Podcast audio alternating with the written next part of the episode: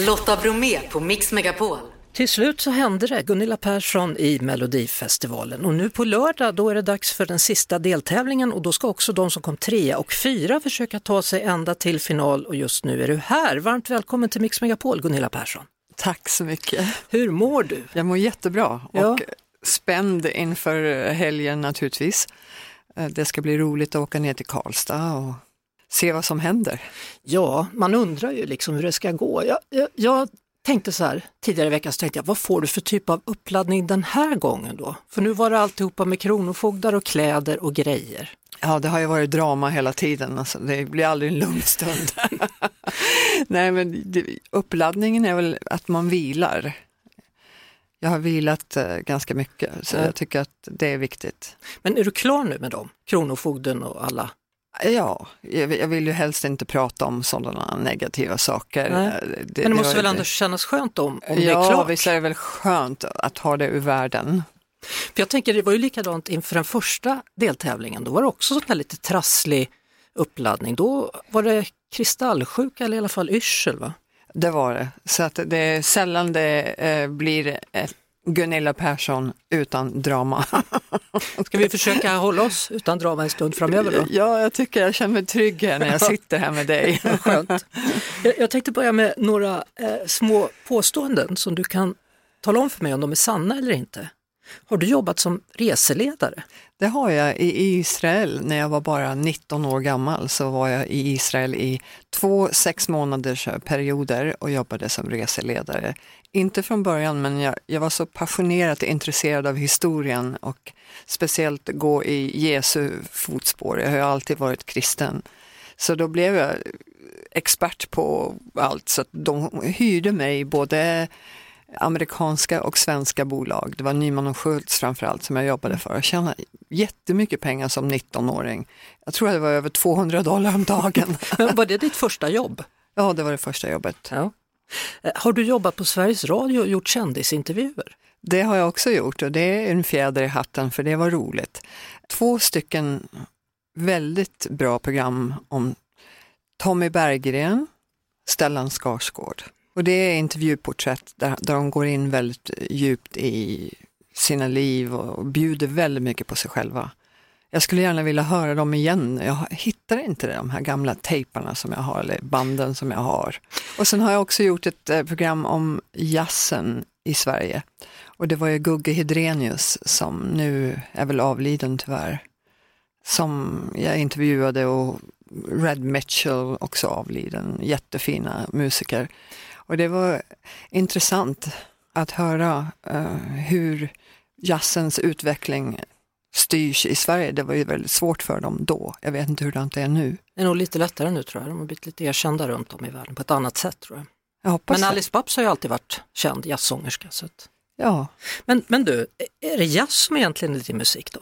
Nej, jag, jag tycker väldigt mycket om jazz. Jag Ja. hörde alltid jazz i mitt hem när jag växte upp i Högsjö med mamma och pappa och pappa var ju stor Frank Sinatra-fan och uh, Nat King Cole och Ella Fitzgerald. Ja. Det, och sen så lyssnade vi på Svensktoppen också varje helg. Ja. Det var varje söndag klockan 11, jag kommer ihåg. Vi hade då Sven, Sven Hedlund och ja, det var många. Nästa påstående då, sångerska i Japan. Det har jag också varit. Du har stenkoll på vad jag har gjort. Ja, det är klart jag har. Ja, det roliga är att jag gör nu en comeback i min musikkarriär, om man kan kalla det så, eller sångkarriär. Därför 1980 så formade vi en grupp som hette Happy Ladies. Och det var tjejer mellan 19 och 23 år, jag var 21 år, lika gammal som min dotter är nu. Och eh, det var en rolig historia runt det här, för jag jobbade faktiskt i det här huset. I det här Ja. huset där, vi, där vi står nu, Där vi, där vi är nu, ja, DN-skrapan. Jag jobbade på eh, Dagens Nyheters telefonannonser. Jaha. Och där satt jag som spindeln i nätet. Jag var ju student också studerade på eh, Poppius journalistskola och eh, universitetet med franska och spanska. Så jag hade det som en liksom sidekick då, och tjäna lite pengar. Och där satt jag som spindeln i nätet och fick en förfrågan om ett jobb i Japan. De sökte sångerskor till Japan och jag sa, men det kan jag göra. så det, på det viset fick jag det, det gigget och sen även min lägenhet i Fredhäll, det var bara gångavstånd från DN här. Men, men är du så? Fick jag också liksom, så att det var någon snubbe som skulle sätta ut en andrahandslägenhet han ville hyra ut. Ja, den tar jag. så det var ju ganska bra då, men- läge för mig. Ja, men har du alltid varit sån orädd? Att du vågar göra nya utmaningar? Nu var jag tvungen att svälja lite te. Eh, Jo, jag har alltid älskat nya utmaningar. Och jag vet inte var den här orädslan kommer ifrån. Eh, Nej. Jag är ganska trygg i mig själv. Är någon mamma och pappa som har lagt ner det i mig. Och jag har ju en, en tro också på Gud och Jesus, att allt är möjligt. Allt vad man vill i livet är möjligt. Jag- funderade på din uppväxt. Du växte upp i Vingåker va? Högsjö. Jag är född i Norrköping och mamma och pappa eh, var båda från Norrköping men eh, pappa flyttade med familjen och det var ju en liten familj för det var, jag var ju enda barnet, mamma och pappa. Nils-Erik och Iris. Ja, Ni, Nils-Erik kallades även för Nisse och Iris flyttade år 61, 1961 från Norrköping till Högsjö. Var, Där, li- var ligger det? Det ligger utanför Vingåker. Ja, just det, precis.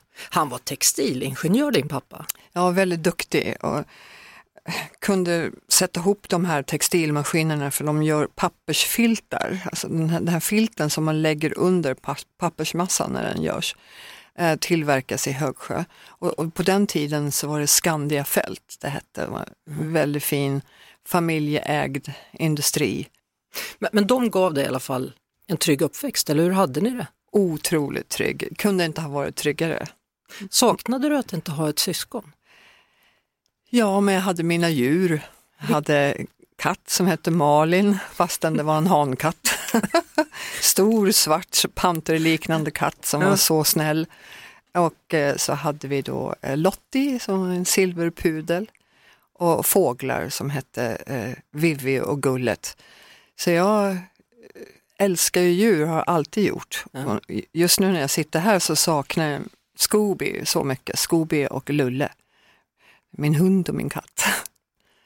Nästa påstående, ska vi ta det? Ja, Har du varit med i ett avsnitt av Dallas?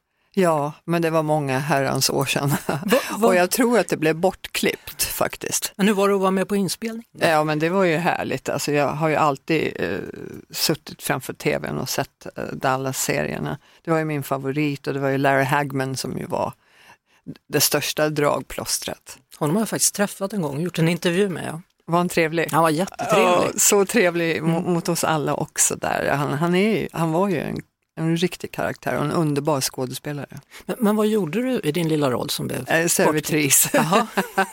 Hello? Hello. det är ingenting att skryta om. Nej men du har ju varit med. Det, Ja, det är ju en klassisk serie. Va? Ja, verkligen. Ibland så tänker jag så här, ja, vi känner dig som Hollywoodfrun, men det finns ju ett innan det också som vi har berört lite grann. Eileen Ford, hur mycket har hon betytt för dig i ditt liv skulle du säga? Eh, Eileen Ford är ju anledningen till att jag kom till New York för överhuvudtaget. För att det var min ex-boyfriend på den tiden, så jag ska inte nämna hans namn, men han jobbade på Sveriges Radio som producent. Han hade skickat in bilder på mig till en Damernas Värld-tävling, Face of the 80s. Och en av domarna var Eileen Ford. Så jag träffade Eileen Ford där och hon gillade mig så mycket. Trots att jag inte vann tävlingen så frågade hon mig, vill du komma till New York? Ja, så jag, det är klart jag vill. Ja. Och jag gjorde det bara något halvår efteråt. Hon var väl väldigt förtjust i blonda tjejer med blå ögon, var det inte så? Ja, och man, det räckte inte bara med att vara blond och blåögd, man var ju tvungen att ha rätt kropp framförallt och sen mycket höga cheekbones, för det handlar ju om att kunna fotografera bra, att vara fotogenik. Är du det? Ja, det, jag tror att jag har den typen av utseende som man kan fotografera bra tills man dör, bara man inte blir tjock. Man får se till att man inte blir tjock och plufsig. Men, men alltså, hur, hur var det att komma då, som ganska ung, till New York? Ja, det var ju en fascinerande och skrämmande stad på många vis eh, när man kommer dit som ung och inte känner någon. Jag kände ju bara Agneta Eckemyr som jag bodde hos temporärt då. Men sen så blev jag rånad ja, i Central Park.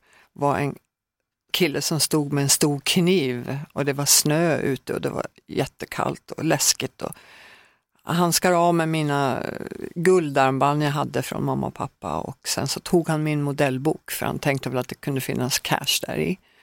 Eh, men jag argumenterade ingenting, jag sa bara ta, ta, ta allt jag har. Men hur gick det med det sen? Och det gjorde han ju. Så Ja. det, det var ju, man ska aldrig argumentera med någon som har en kniv i handen. Nej. Det är bara att ge ifrån sig allt man har. Men, men vad händer sen då? Han tar grejerna och drar och då, vad gör du? Ja, sedan så eh, tog det ungefär 45 minuter innan polisen kom. Det tog väldigt lång tid, eh, men jag stod där inte ensam utan det var en kille som visade sig vara producent för ABC eh, som räddade mig och sen så jag hamnade i väldigt gott sällskap med honom, en väldigt beskyddande kille som absolut inte var ute efter mig på det viset och han lät mig bo i hans lägenhet. Det är så här, livet är fyllt av olika möten, eller hur? det är fascinerande att tänka på alla möten jag har haft. Ja. Det har ju varit att jag har levt så många olika liv i samma liv. Jag, jag har ju bara ett liv, men livet har sett så annorlunda ut under vissa tidsperioder så det är som natt och dag. Man kan inte tro att det är levt av samma person. Nej, Eh, alltså hur, hur har ditt humör varit? För jag antar att du är precis som oss andra, att ibland känner man sig liten, liten, liten och ibland känner man sig större i världen. Ja, alltså det är ju så. Så länge man behåller sin gudstro så är man trygg. Även om man kanske inte är det finansiellt eller att man står där med 500 dollar. Jag hade 500 dollar när jag kom till New York och jag kände mig rik. Ja, hur långt skulle det räcka idag? Det- En lunch kanske? Ja, det räcker inte länge. Och, och hur hankar du dig fram då där? För du blir ju kvar här. Ja, jag reste från New York därför att jag var så rädd för att gå omkring där på de här så go-sees och träffa fotografer och så vidare. Så att jag ville inte vara kvar på Manhattan. Så, Vad, vad var du rädd för då? Nej, att, att jag skulle bli rånad igen eller nedslagen eller dödad. För att det där sitter ju i när man får en kniv nära strupen. Då, då, det sätter sina spår verkligen. Så att, eh, Och vart Ja. flyttar du då? jag flyttade till Dallas och det var så jag kom till Dallas. Eh, Texas? Texas och där gick jag med en annan agentur som Eileen Ford hade ordnat åt mig. Då. Det var där jag träffade min husband som jag gifte mig med efter ett år av dating. Ett år bara, det var, det var ju kanske inte så lyckat därför att jag kände väl honom inte så väl. Som boyfriend var han fantastisk, väldigt generös och uppmärksam på alla vis. Men när vi gifte oss, då var det som du har framsidan av handen och bara Mm. vände till andra, andra sidan och han blev elak, så otroligt elak. Psykiskt och- eller även fysiskt? Ja, inte, hade han slagit mig då hade jag stuckit direkt, men nej, det var mer psykiskt då. Och han var en väldigt kontrollerande person och supersvartsjuk. Jag var ju liksom i min glansålder, så jag hade ju många män efter mig, ute efter mig. Och det här tålde han inte, han var väldigt, väldigt svartsjuk man och det är inte bra. Så jag säger det till alla kvinnor, om ni har en svartsjuk kille, stick bara. Mm. Därför att det kan sluta illa. Men var du kvar för länge känner du i efterhand? Eller? Ja, jag var väl gift för länge med honom, det var jag. Eh, jag- Jag vill alltid vara sån att jag försöker få saker och ting att, att fungera. Det är det jag säger, jag är den bästa eh, ni single män kan träffa därför att jag är otroligt lojal. Hade vi just en liten äktenskapsannons här? ja, jo då, jag är ute efter Mr Right. Ja, men vill du flytta tillbaka till Sverige tänker jag? Nej, men jag skulle gärna vilja ha en svensk man. Det har jag sagt förut och det blev löpsedel på. Ja. Att jag är ute efter en svensk man. Jag tycker om svenska män. Varför? Vad skiljer dem ifrån de amerikanska? menar Nej, men det är härligt att kunna prata sitt eget språk. Så där är du i Texas då, men hur hamnar du till slut i Hollywood och Los Angeles? då? Jag fick ju väldigt mycket jobb och det var eh, reklamfilmer i Los Angeles som jag fick. Eh, Fruit of the Loom var den största jag fick och bodde på toppen av Mulholland Drive i ett hus eh, som var ägt av Axel Danielsson. Och där bodde också en annan kvinna, Romina. Eh, och det var hon som bröt upp äktenskapet med, mellan Joan Collins och Peter Holm. Hon var kallad the passion flower. så vi tre bodde där uppe på Malholland Drive. Det var Axel, jag och Romina. Men när får du barn mitt i alltihopa det här? Ja, det blir mycket, mycket senare. Ja. Ja, för jag var ju nästan 44 när Erika föddes. Alltså det är många av mina vänner som försöker bli gravida i 40-årsåldern och det är ju svårare. Men, men då var det inte samma man som du var gift med som du fick barn med då antar jag? Nej, nej, Nej. nej, inte alls. Det var en annan man som jag inte har kontakt med. Var han, han var inte svensk? Amerikan Amerikan? i New York.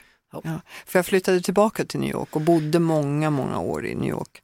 Eh, Jag, jag kom över den här rädslan över att bli rånad och allt sånt så att det, det, den var borta och eh, jag bodde från 1988 till 2015 i Manhattan, även fast jag bodde även på många andra ställen. Los Angeles flyttade jag till 2010 för att jag blev tillfrågad att vara med i Svenska Hollywoodfruar efter att jag hade varit med i New York-fruar.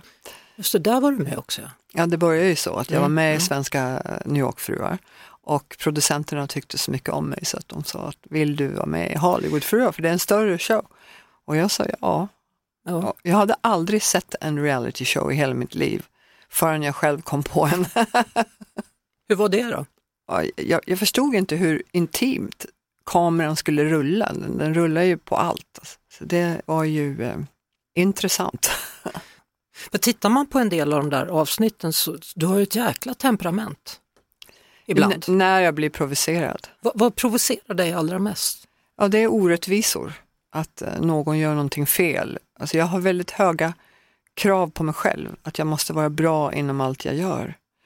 Och är jag inte det så, så, så lägger jag av eller gör något annat. Men jag har höga krav på mig själv. Och jag vet att jag är liksom queen och reality-tv. Och när man är bra på någonting så vill man att de runt omkring en också ska vara bra. Och är de inte det, då kan jag ibland tända till. Rejält också. Ja, men jag tände till mer när det gällde min mamma och hennes vårdgivare som nästan tog livet av henne många gånger. Och det, det var ju det som fick mig att verkligen tända till. För då handlar det om liv eller död. Hon dog ju din mamma 97 år gammal ändå alltså. Jag hade henne i min vård under 12 år. Det är en lång tid. Jag tog ut henne ur demensboendet i Vingåker. Det var på hennes födelsedag, hennes 85 födelsedag och det var snöstorm. Jag kommer ihåg Erika var bara åtta år gammal. Och vi hämtade hem henne då. Det är någonting jag aldrig någonsin har ångrat utan tvärtom. Jag är väldigt stolt över mig själv att jag gjorde det för att det var rätt beslut. Jag, jag, jag vet att jag, jag skulle inte ha kunnat leva eh, ett normalt liv och ständigt oroa mig över min mamma, hur hon hade det. Nu hade jag daglig koll på hur hon ha, hade det och att hon hade det bra hela tiden, vilket hon hade. Hon hade det otroligt bra och det var därför som hon levde så länge. Därför hon var omfamnad av kärlek varje dag. Alltså man, när man är i en så, ska jag säga, fragile, Ömtålig. öm, ömtålig skick så att man kan dö när, när som helst. Då är det klart att det blir en väldigt speciell tid. Men mamma var stark, hon överlevde mycket. Hon låg för döden många gånger. Men då bad vi till Gud och Jesus att snälla Jesus, ta henne inte ännu utan låt henne leva kvar. Och hon hörde bönerna och Gud hörde bönerna. Och mirakel efter mirakel hände. Och hon vaknade upp efter att nästan ha varit död och läkarna hade sagt att det finns inget hopp. Men så höll det på i, åtskilliga år. Mm. Hon kom igen och, och, och kunde komma hem igen. Men hon var dement då, visste hon att ni hade flyttat till USA då eller? Jag, jag försökte prata med henne och förklara var vi var och så vidare, men man vet inte hur mycket hon visste eller inte visste. Men vad jag är glad över det är att hon alltid kände igen mig. Hon lyste upp när jag kom in i rummet. Hon var alltid närvarande. Vad känner du då? Hon blev 97 år, då har du lite att brås på. ja, får man hoppas att Erika är lika snäll och tar hand om mig. Tror du inte det? Hon har ju lärt sig det av dig. Jag tror att man lär sig det. Det är Men- någonting som man växer upp med. Jag säger det till Erika, ska du ta hand om mig? Det är väl klart, säger hon. Mm. Jag tänkte på det där med att, att tända till då. Vi snackar om din låt nu tycker jag. Ja. Lalla Gunilla. Ja, För det handlar ju om skitsnack till exempel. den texten på I won't shake Lalla Gunilla kunde inte ha varit mera skräddarsydd för mig än vad den är. Den är on point, det bästa någonsin. Alltså jag skulle inte kunna ha skrivit den bättre själv. Det enda som folk i Amerika som har lyssnat på den reagerade på, det var att man använder ordet shit och bullshit, för det är eh, svordomar ju. Men jag tror att det är okej i det här sammanhanget. Vad tycker du? Jag tycker det är okej i det här sammanhanget. Men, ska jag säga, hade du sjungit det på svenska så hade jag inte tyckt om det. Nej. För då, alltså det är knepigt det här med språket. Ja. Jag vet att något år så, så sa man i svensk television Mello, Mello fucking D-festival. Ja, det var ju hemskt. Och det blev ett jätteramaskri över detta då såklart. Ja, det tycker jag inte om. Det, det, det är ett ord som jag aldrig använder. Det tycker jag, nej, Nej. ta bort det ordet. Det är borta. ja. Hur känner du inför att ändå har gått liksom så här långt i Melodifestivalen? ja, men det känns ju fantastiskt. Jag- vill stå på eh, finalscenen framför 30 000 människor. Det vill jag göra därför att den kick jag fick genom att stå där då jag trodde jag skulle falla ihop innan jag bad till Gud och Jesus. Den kicken går inte att beskriva. Det, det var en helt otrolig, nästan övernaturlig känsla jag fick. Jag kan göra vad som helst, Ja. kände jag när, när det var färdigt. Men jag brast i gråt också. Tårarna bara rann så de fick fixa min makeup mera när jag gick av scenen sen för att det var en nervspänning som var enorm. Det enda erfarenhet jag har av scenen det var en liten scen i Japan för 40 plus år sedan. När du var där med din 50 grupp, ja. Ja, fram- framför 50 japaner som satt i sina kimonos för att det var på ett spa. Liksom. Mm, det är lite skillnad. Hur kommer det bli för dig då när du väl har gått till final eller inte gått till final? Vad händer med musikkarriären för din del? Jag kommer att göra spelningar. Ja, jag har redan fått många eh, bokningar. ja, och förfrågningar om, om- om, jag kan komma och, och vara med och, och uppträda och så vidare. Så det vill man ju göra för att alla verkar gå och nynna på den här låten. Tänk dig hela Sverige går och säger mitt namn. Lalla Gunilla. det, det, det är väldigt roligt om, om man får större självförtroende om man inte hade det förut. Hade du det förut? Då? Både ja och nej. Alltså, folk tror inte att jag är blyg, men jag är det. Alltså, jag var ju på samma galamiddag som kungen och drottningen i New York. Och jag, jag gick nästan ut, jag gick in och ut och in och ut ur entrén där, där, han stod med, med sitt entourage. Jag vågade inte komma fram till honom och, och, och ta en bild med Mm. honom. Men till slut så tog jag mod till mig och gjorde det. Och, och sen så frågade han mig om jag var single. Och det sa jag, ja det är. Så då hamnade jag på nattklubb med honom och hela hans entourage och drottningen och det var väldigt trevligt. Och det var många år sedan, Erika var bara några år gammal. Vad var det för nattklubb? Var ni i Meat District? Fredericks hette nattklubben. Ja, var den bra? Ja, jag hade så roligt och stängde klubben klockan fem på morgonen. och kungen han satt kvar. Han var med också. Härligt. Jag tänker på Melodifestivalen då, för du har ju såklart följt den under alla år också när du har bott i Sverige. Vad, vad har du för favoritlåt? Waterloo. Jag kommer aldrig att glömma när mamma och pappa och jag satt där i vardagsrummet i Högsjö och blev så glada när Sverige vann för första gången. Det är 50 år sedan det. Ja, Nu i april här kommer det bli det. Då var jag alltså 15 år gammal. Och det glömmer jag aldrig, det, det är ett minne för livet. Liksom, för att det var en så lycka över att Sverige vann. Vad händer om du vinner alltsammans då? Och då får de bära ut mig på en bår för då svimmar jag på riktigt. Alltså, då är det inte någon kristallsjuka eller någonting utan det är det bara att, jag- att jag, ja. Det tror jag väl inte kan hända helt enkelt. Jag vinner hela Eurovision. Kan det hända att du vinner hela Melodifestivalen tror du? Det är väldigt, väldigt stor konkurrens. Jag har Ja. Cassiopeia och Jacqueline som var med i min deltävling. Mm. Vad heter de? Marcus och Martinus. Ja, de kommer ju nu i helgen. Ja, Mm. så att eh, stiff competition. Är det det det heter på engelska? Ja. Stiff competition. Hur ofta saknar du köttbullar, sill etc? Jag är den enda svensken som inte äter sill. jag tycker inte om sill, nej, så det kan jag inte sakna. Nej. Eh, köttbullar kan jag göra själv. Jag gör mammas eh, köttbullar efter hennes recept. Det gör jag ibland, älskar det. Med Mm. lingonsylt och potatismos. Om du nu eh, går vidare, byter du kläder? Ja, jag måste byta klänning. Jag kan ju inte ha samma eh, klänning två gånger. Nej, nej, det, det kan man ju inte ha Nej. ens på en fest. Och jag har nästan aldrig samma kläder på mig. På tv till exempel. Om jag, jag har så många klänningar som hänger som jag inte kan ha på mig igen därför jag har haft dem förut. Men det kanske folk inte kommer ihåg om du hade det för några år sedan, eller? Jag har börjat nu använda sådana som jag har för tio år sedan, för jag tror inte folk kommer ihåg det. Men Det det, finns de som gör faktiskt. Jaha, jag, jag är väldigt försiktig med att inte använda samma klänning på kameran. Mm. Alltså, man kan ju naturligtvis göra det privat, men inte på kameran. Hur går det med scenen då? Ska den få snurra den här gången? Eller? Om Nej. du går vidare? Nej. Åh nej, nej, alltså när, när golvet snurrar under mig och som jag ska gå ner på, för jag står ju på ett podium, då snurrar det även om man inte har någon kristallsjuka, för att det, det blir man yr av. Tänk Ja. hela scenen Ja, ja, som är olika färger, går runt när du ska gå ner där. Det är bättre att den står stilla. och sen ska du samtidigt vara vacker och sjunga rätt och Ja. röra dig rätt. Nej, vi måste få den här scenen att stå stilla. Just det, du har fyllt år. Det glömde jag. Ja, Ska vi säga- 65 år. Ja, grattis 31 december av alla dagar. Ja, jag säger det att hela världen firar just min födelsedag för det är ju lite raketer som skjuts och lite fester runt hela världen så då måste de väl fira mig då. Och då har du blivit så kallad folkpensionär.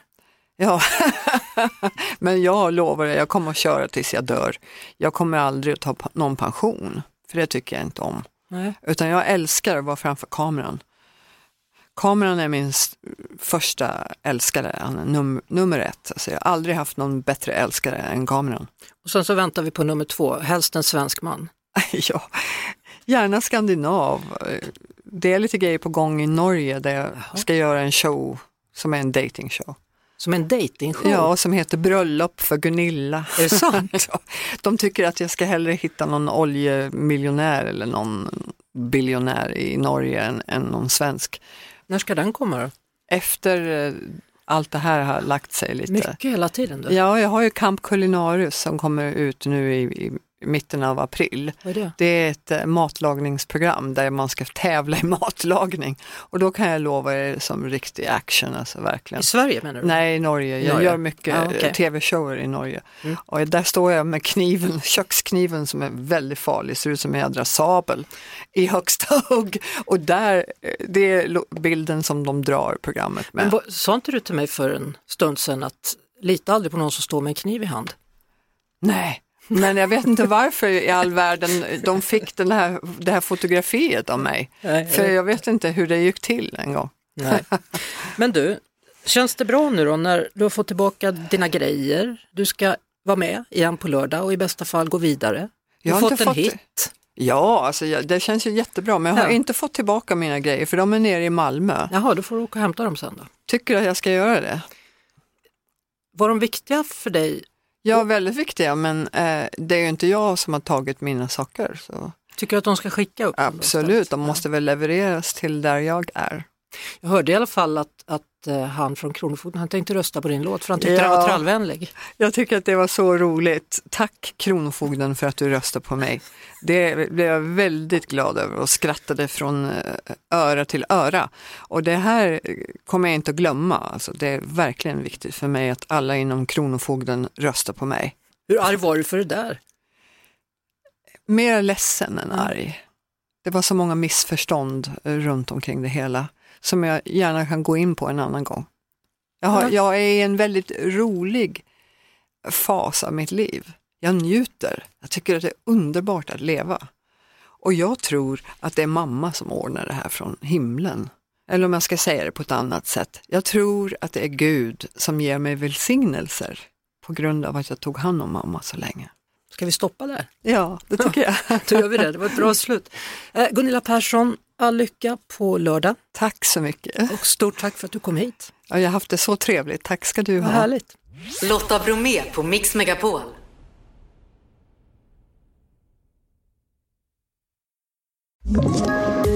Poddtips från Podplay.